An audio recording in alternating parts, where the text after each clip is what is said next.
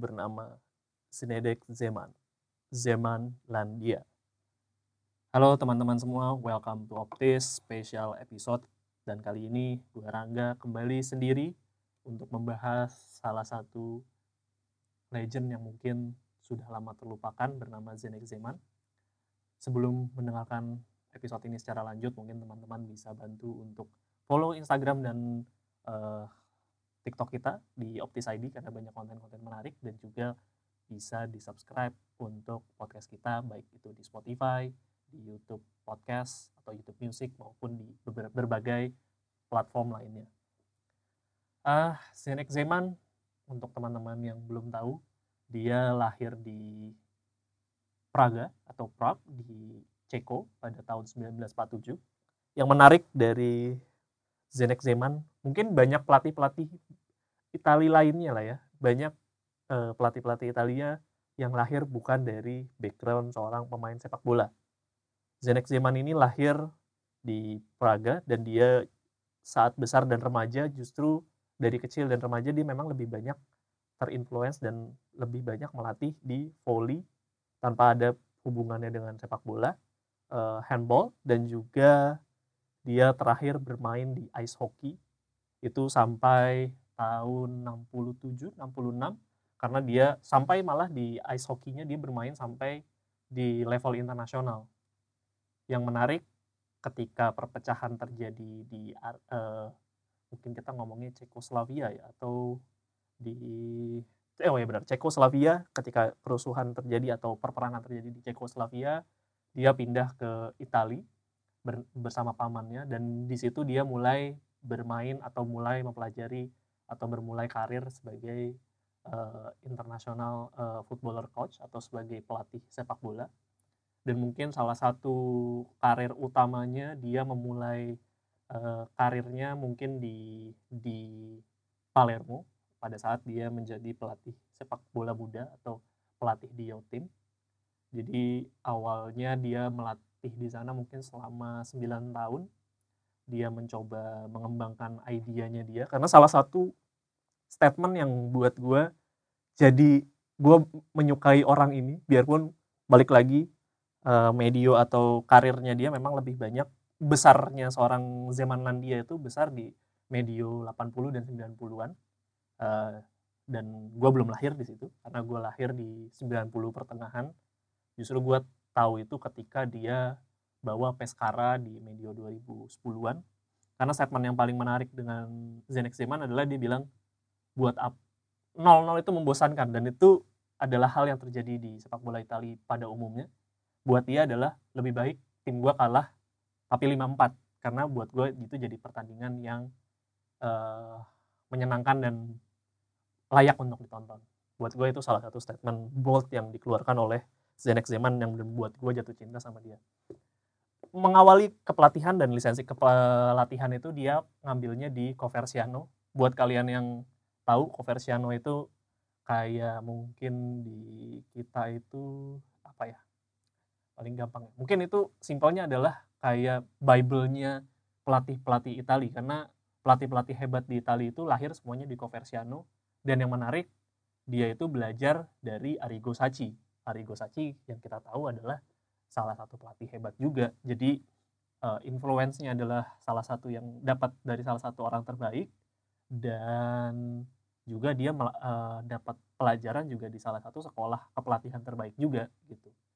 Dan dia memulai karir sepak bolanya itu sebagai uh, manajer itu di Licata Calcio dan dia selalu punya policy yang mungkin dibilang simple tapi memang buat buat kita semua simple itu biasanya hal yang paling rumit kan. Jadi dia sebenarnya polisinya simple banget, cuma mempercayakan secara tim kepada pemain-pemain muda, membuat fondasi dari tim muda itu sendiri, dan juga akhirnya mempermainkan taktikal yang dia mau dan dia implementasikan ke tim-tim muda. Karena buat dia, ketika gue bisa mainkan itu di tim muda, hal yang paling menarik adalah lo bisa mengimplementasikan itu tanpa ada penolakan dari pemain lain karena biasanya pemain yang menolak itu biasanya pemain yang lebih senior yang punya udah punya mindset sendiri gitu. Jadi itu yang membuat dia jadi lebih berbeda. Nah, dia memulai itu di uh, Licata Calcio dan mungkin bisa dibilang dia pakai 4-3-3 tapi memang dan itu uh, menjadi title dia pertama di seri C2 itu dia dapat di Liga Calcio tahun 1986 lalu 1987 dia pindah ke Foggia dan ini memang salah satu uh, hal yang paling menarik yang bisa dilihat dari fans sepak bola Italia karena ketika Zeman masuk ke Foggia dia berhasil membuat back to back Foggia dari seri C masuk ke seri A. Dan promosi berturut-turut. Jadi dari seri C ke seri B, seri B ke seri A. Ini sih buat buat sebuah fans sepak bola, pencinta football manager ini kayak dreams come true lah karena ini buat gue hal yang menarik juga. Dan statement kedua juga yang buat gue suka dengan Zenek Zeman adalah ketika dia bilang jika anda mencetak 90 gol, jika lu mencetak 90 gol, jadi lo nggak usah perlu khawatir lah lo kebobolan berapa banyak gol. Karena buat dia atau simpelnya kayak coach Justin bilang lo kebobolan 5 gol tapi lo ngegolin 6 gol ya still win the game. Di Foggia sendiri dia masih pakai pendekatan taktik yang sama, dia pakai 4-3-3 tapi yang berbeda di sini adalah 4-3-3-nya uh, di gelandang tengah dia bermain lebih ke belakang dia dipakai sebagai holding midfielder di mana dua gelandangnya bermain jauh lebih ke depan dan striker utamanya striker uh, striker solonya karena di sisanya adalah pemain sayap dia bermain lebih menarik ke belakang untuk uh, menghampiri bola. Dan ini yang uh, salah satu yang mungkin salah satu revolusioner taktik yang diciptakan oleh uh, Zenek Zeman dan ini menurut gue merubah merubah uh, tampilan sepak bola Serie A. Dan mungkin bisa gue bilang dia salah satu pelopor uh, sebagai pelatih yang bermain ofensif pertama di Serie A. Karena yang kita tahu Serie A terkenal dengan ya Catenaccio-nya gitu bermain pragmatis, bermain lebih taktikal, bermain lebih teknis. Tapi di sini Zeman mungkin karena dia memain ice hockey, mungkin buat dia ya pertahanan yang terbaik adalah penyerangan. Dan buat dia ketika gue bisa menghasilkan gol lebih banyak ya berarti gue memenangkan pertandingan. Itu adalah hal yang bisa diciptakan oleh Zenek Zeman di di masa keemasannya. Dan ini terjadi mungkin uh, kisah awalnya. Sorry mungkin uh, back to backnya itu terjadi pada saat 89 ke 94 mungkin gue tadi agak sedikit lompat ya bahwa sebenarnya dia pernah main pernah melatih Puggia di 8687 uh, memang secara secara structure uh, timnya belum begitu baik. Akhirnya dia pindah sempat lompat-lompat beberapa tim. Ya ke Parma ke Messina baru habis itu dia kembali lagi ke Foggia. Dari Foggia dia berhasil back to back uh, dari seri C menuju ke seri A lalu dari situ dia pindah ke mungkin bisa dibilang adalah tim besar uh, Italia yang lain dia mulai pindah ke Roma atau mungkin gue akan bilang ke Lazio dulu karena ini apa namanya perkembangan yang cukup besar yang terjadi di Serie A. Dari dia pindah ke Lazio, di mana ketika dia pindah ke Lazio sebenarnya secara taktik nggak terlalu nggak terlalu banyak eh, nggak uh, terlalu banyak perubahan. Tapi memang pada saat dia pindah ke Lazio, mungkin banyak teman-teman yang lupa bahwa Lazio mungkin Alessandro Nesta teman-teman tahu uh, dia bermain di Milan tapi sebelumnya dia main di Lazio dan dia yang pertama kali uh, mengenalkan Nesta berseragam Lazio karena jadinya dia memperkenalkan banyak defender-defender muda ke dalam uh, first team karena balik lagi tadi filosofinya Zenek Zeman adalah dia suka memainkan pemain-pemain muda mungkin ada dua hal uh, selain dengan karena mudah untuk diatur ya pemain muda hal kedua adalah secara fisik pemain muda jauh lebih bisa diandalkan ketimbang pemain-pemain yang mungkin jauh lebih senior. Nah di fase ini mungkin Lazio juga nggak terlalu banyak mendapatkan uh, prestasi yang cukup banyak. Uh, tapi akhirnya di 97 ke 99 dia berhasil pindah ke AS Roma. Sama-sama tim ibu kota, jadi di dalam medio yang kurang lebih berdekatan dalam mungkin kurun waktu lima tahun enam tahun dia pindah ke dua tim yang sama-sama besar. Nah uh, di Roma sendiri dia banyak uh, dapat hal-hal yang mungkin bisa dibilang lumayan besar dan setahu gue di era ini dia uh, ada bermasalah atau berkasus dengan uh, Juventus. Karena dia melakukan allegation atau dia melakukan penuduhan. Mungkin bukan sekadar penuduhan karena dia sampai bawa ini ke pengadilan. Bahwa dia melayangkan tuduhannya ke Juventus bahwa mereka menggunakan doping. Dan di situ terbukti. Jadi uh, Gianluca Vialli sama Alessandro di Del Piero itu terbukti menggunakan kreatin dan di situ memang salah satu indikasi penggunaan uh, doping. Tapi yang menariknya memang pada saat court itu atau pengadilan diputuskan yang kena hukuman adalah uh, sport dokternya yaitu Ricardo Ar Agricola dan akhirnya dihukum mungkin secara agak lupa mungkin uh, satu tahun atau 22 bulan gue agak lupa dan dia akhirnya di. Nah ya memang di medionya di Roma bukan dibilang jelek juga tapi ya tidak berprestasi sesuai dengan harapan fans-fans Roma karena mungkin fans Roma juga berharap ketika gue dapat pelatih yang bermain uh, cukup agresif harusnya gue dapat dapat hasil yang lumayan oke okay. tapi kenyataannya nggak begitu pada akhirnya uh, dia digantikan sama Fabio Capello di Medio 99 dan mungkin sebenarnya ketika bermain di Lazio mungkin dia lebih banyak melakukan pendekatan taktik yang sama dengan Foggia.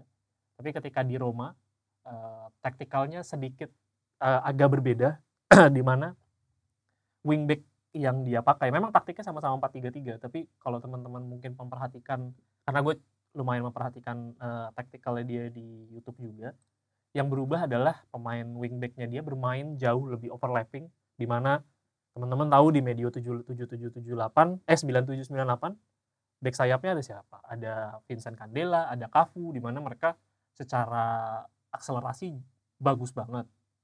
Dan di situ ada Eusebio Di Francesco, ada juga Damiano Tomasi sebagai gelandang yang bisa dibilang ya punya punya fisikal yang cukup bagus gitu. Jadi gelandangnya bisa bermain bukan cuma ke depan tapi juga bisa bermain e, menarik ke belakang dan juga di situ ada Francesco Totti jadi mungkin yang teman-teman tahu mungkin Francesco Totti bermain nomor 10 tapi di di era uh, Zemanlandia dia bermain di agak melebar ke kiri tapi justru jadi pemain playmakernya dia karena bisa bergerak lebih ke tengah atau lebih ke samping atau dia bisa menusuk ke dalam. Nah di it, medionya Roma uh, bermain taktiknya jauh lebih jauh lebih fluid dibandingkan dibandingkan sebelum-sebelumnya. setelah itu memang mesti diakui karir kepelatihan Zeman cukup bisa dibilang menghilang ya. Karena setelah itu dia masuk melatih beberapa tim ya dia merantau ke Turki untuk melatih Fenerbahce. Di situ juga nggak terlalu sebenarnya nggak bisa dibilang terlalu oke okay, atau nggak bisa dibilang terlalu bagus karena di Fenerbahce juga mungkin cuma musim kurang dia dipecat pindah ke Napoli juga Napoli juga bukan tim yang sedang baik-baik saja di era itu. Terbukti dia cuma ngelatih 8 pertandingan dan 8-8-nya tanpa menghasilkan kemenangan. Di Fenerbahce juga sama. 11 pertandingan dia cuma bisa berhasil memenangkan 3 pertandingan 5 seri. Jadi memang sudah terlihat bahwa taktikalnya dia either terlalu, udah terbaca atau mungkin pemainnya tidak bisa mengikuti perkembangan taktikal yang dia inginkan. Begitupun setelah itu dia kalau nggak salah menganggur kurang lebih hampir 6-7 bulan, pindah ke Salernitana, karirnya nggak terlalu berjalan baik, e, mungkin hanya cuma semusim setengah dia pindah lagi ke Avellino, lalu ke Lecce, lalu ke Brescia, ke, Le ke Lecce kembali, lalu dia pindah lagi ke Red Star Belgrade, dan mungkin ini satu-satunya job dia yang bermain di kembali ke Ceko ya bisa dibilang ya. Tapi ya tidak menghasil mungkin di medio ini teman-teman gak melihat Zenek Zeman yang seperti yang kita harapin karena ya benar-benar nggak nggak sesuai dengan apa yang kita kita bayangkan lah karena memang medio yang cukup berat. Tapi pada akhirnya dia kembali lagi ke Fogia di medio ini. Nah ketika memang ke kembali ke Fogia Nah, ini yang yang mungkin cukup bisa merubah merubah uh, alur waktunya lagi. Karena di di eranya apa namanya di era Foggia ini cukup cukup baik lah karirnya dia. Karena dia akhirnya bisa bawa eh, apa namanya dia bisa bawa eh, ke Foggia kembali ke posisi yang cukup baik biarpun memang posisi 6 tapi pada akhirnya dia gagal untuk uh, qualify ke playoff. Padahal di musim itu Foggia salah satu tim dengan gol rasio yang paling tinggi di liga. Jadi ya memang banyak dipertanyakan juga uh, filosofinya dia tidak terlalu berjalan lah ya berarti kan di di medio ini. Tapi yang menarik setelah itu ini yang buat gue jadi cukup bisa mengenal atau jadi mulai ngulik Zenek Zeman adalah ketika dia melatih uh, tim bernama Pescara di medio 2011 hingga medio 2012. Ini buat gue adalah medio medio kebangkitan seorang Zenek Zeman yang mengingatkan gue filosofinya dia di medio ini pemain-pemainnya mungkin kita kenal sebagai pemain-pemain besar lah uh, mungkin teman-teman cukup bisa bisa aware dengan nama-namanya. Ada namanya Marco Verratti, ada Lorenzo Insigne, dan juga ada Ciro Immobile. Mungkin sisanya ada beberapa nama. Teman-teman mungkin kalau main FM atau main PES mungkin cukup lumayan familiar. Antonio Balzano, Simone Romagnoli, Marco Capuano. Mungkin Marco Capuano malah pernah disebut sebagai the next Cannavaro karena memang secara permainan dia cukup keras. Nah di medio kedua ini taktiknya mungkin bisa dibilang lebih mirip dengan taktikal yang pernah terjadi di Roma. Tapi yang membedakan memang gelandangnya, gelandang kedua gelandangnya selain Verratti bisa bermain jauh lebih menusuk ke area kotak penalti. Dan posisinya Totti yang sebelumnya bermain di Roma digantikan oleh Lorenzo Insigne dan dan memang movement Lorenzo Insigne yang kita kenal di Napoli itu lahir di uh, pendekatan yang dilahirkan di Pescara. Di sini bermain jauh lebih modern, bermain jauh lebih fluid, dan juga salah satu tim yang menghasilkan gol cukup banyak karena di musim itu dia menciptakan 90 gol, kebobolan 55 gol dalam 42 pertandingan dan menghasilkan 83 poin. Ini cukup bisa dibilang salah satu media suksesnya Zenek Zeman ketika kita bisa melihat bahwa pemain-pemain yang dikenal tadi juga salah satu jadi pemain-pemain besar juga ya di di di medio sampai mungkin sampai sekarang ya. Mungkin yang sisanya udah udah masuk ke umur 30-an uh, 5, 33, 34.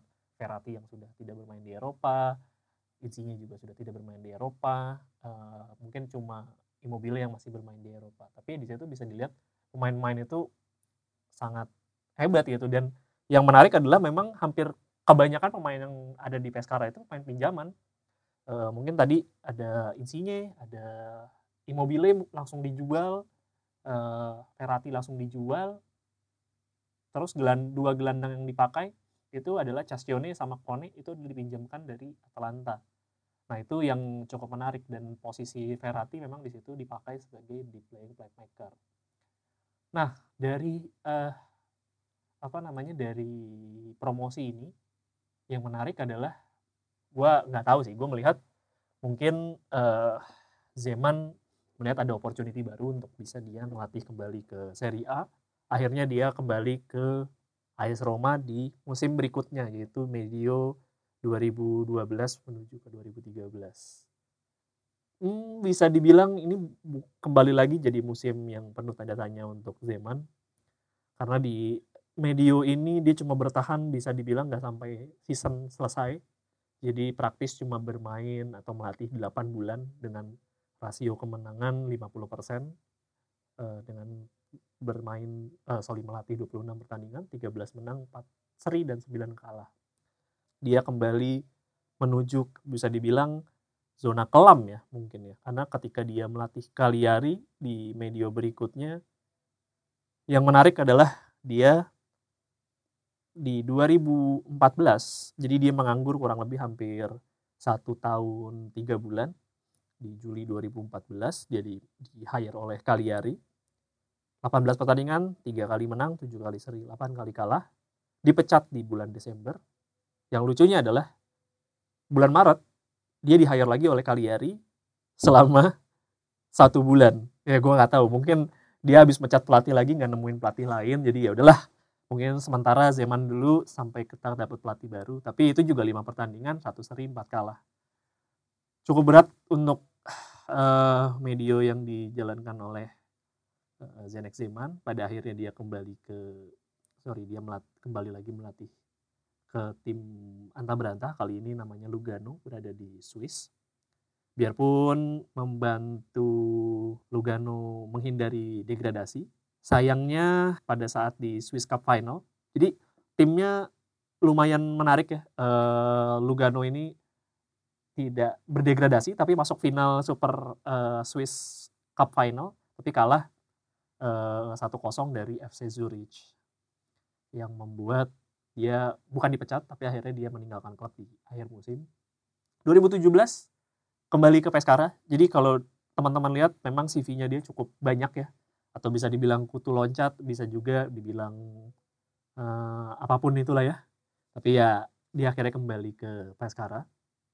Uh, pada saat dia kembali ke Pescara Pescara ini sudah dipastikan degradasi karena pelatih terakhirnya masih Odo ini juga gue inget Pescara yang sudah cukup terseok-seok. Uh, pertandingan pertamanya, di debut pertamanya, dia berhasil mencatatkan kemenangan 5-0 dari Genoa. Lalu di 2018 kembali lagi di Maret mungkin nggak nyampe satu tahun lagi dia kalah 2-0 dari Citadella dan akhirnya harus meninggalkan posisinya di 13 klasemen dan dia akhirnya cabut.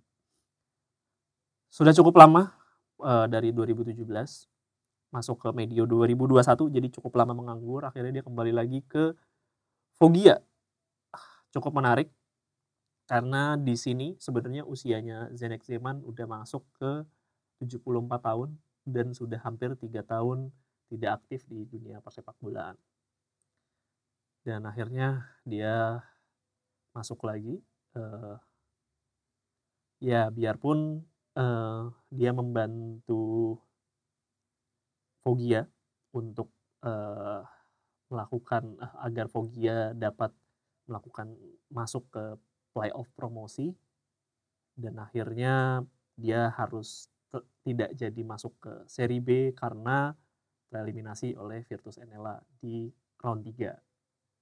Dan akhirnya dalam satu musim kisah cintanya dengan Fogia yang sudah terjadi berkali-kali harus putus kembali. Yang menarik dari semua ini, Zenek Zeman berusia 75 tahun.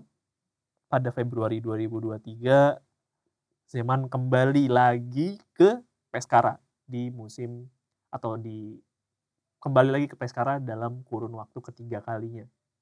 Jadi kita tahu kurun pertamanya berakhir baik, kurun keduanya tidak terlalu baik, dan kurun ketiganya pada akhirnya mereka uh, kembali lagi ke Pescara.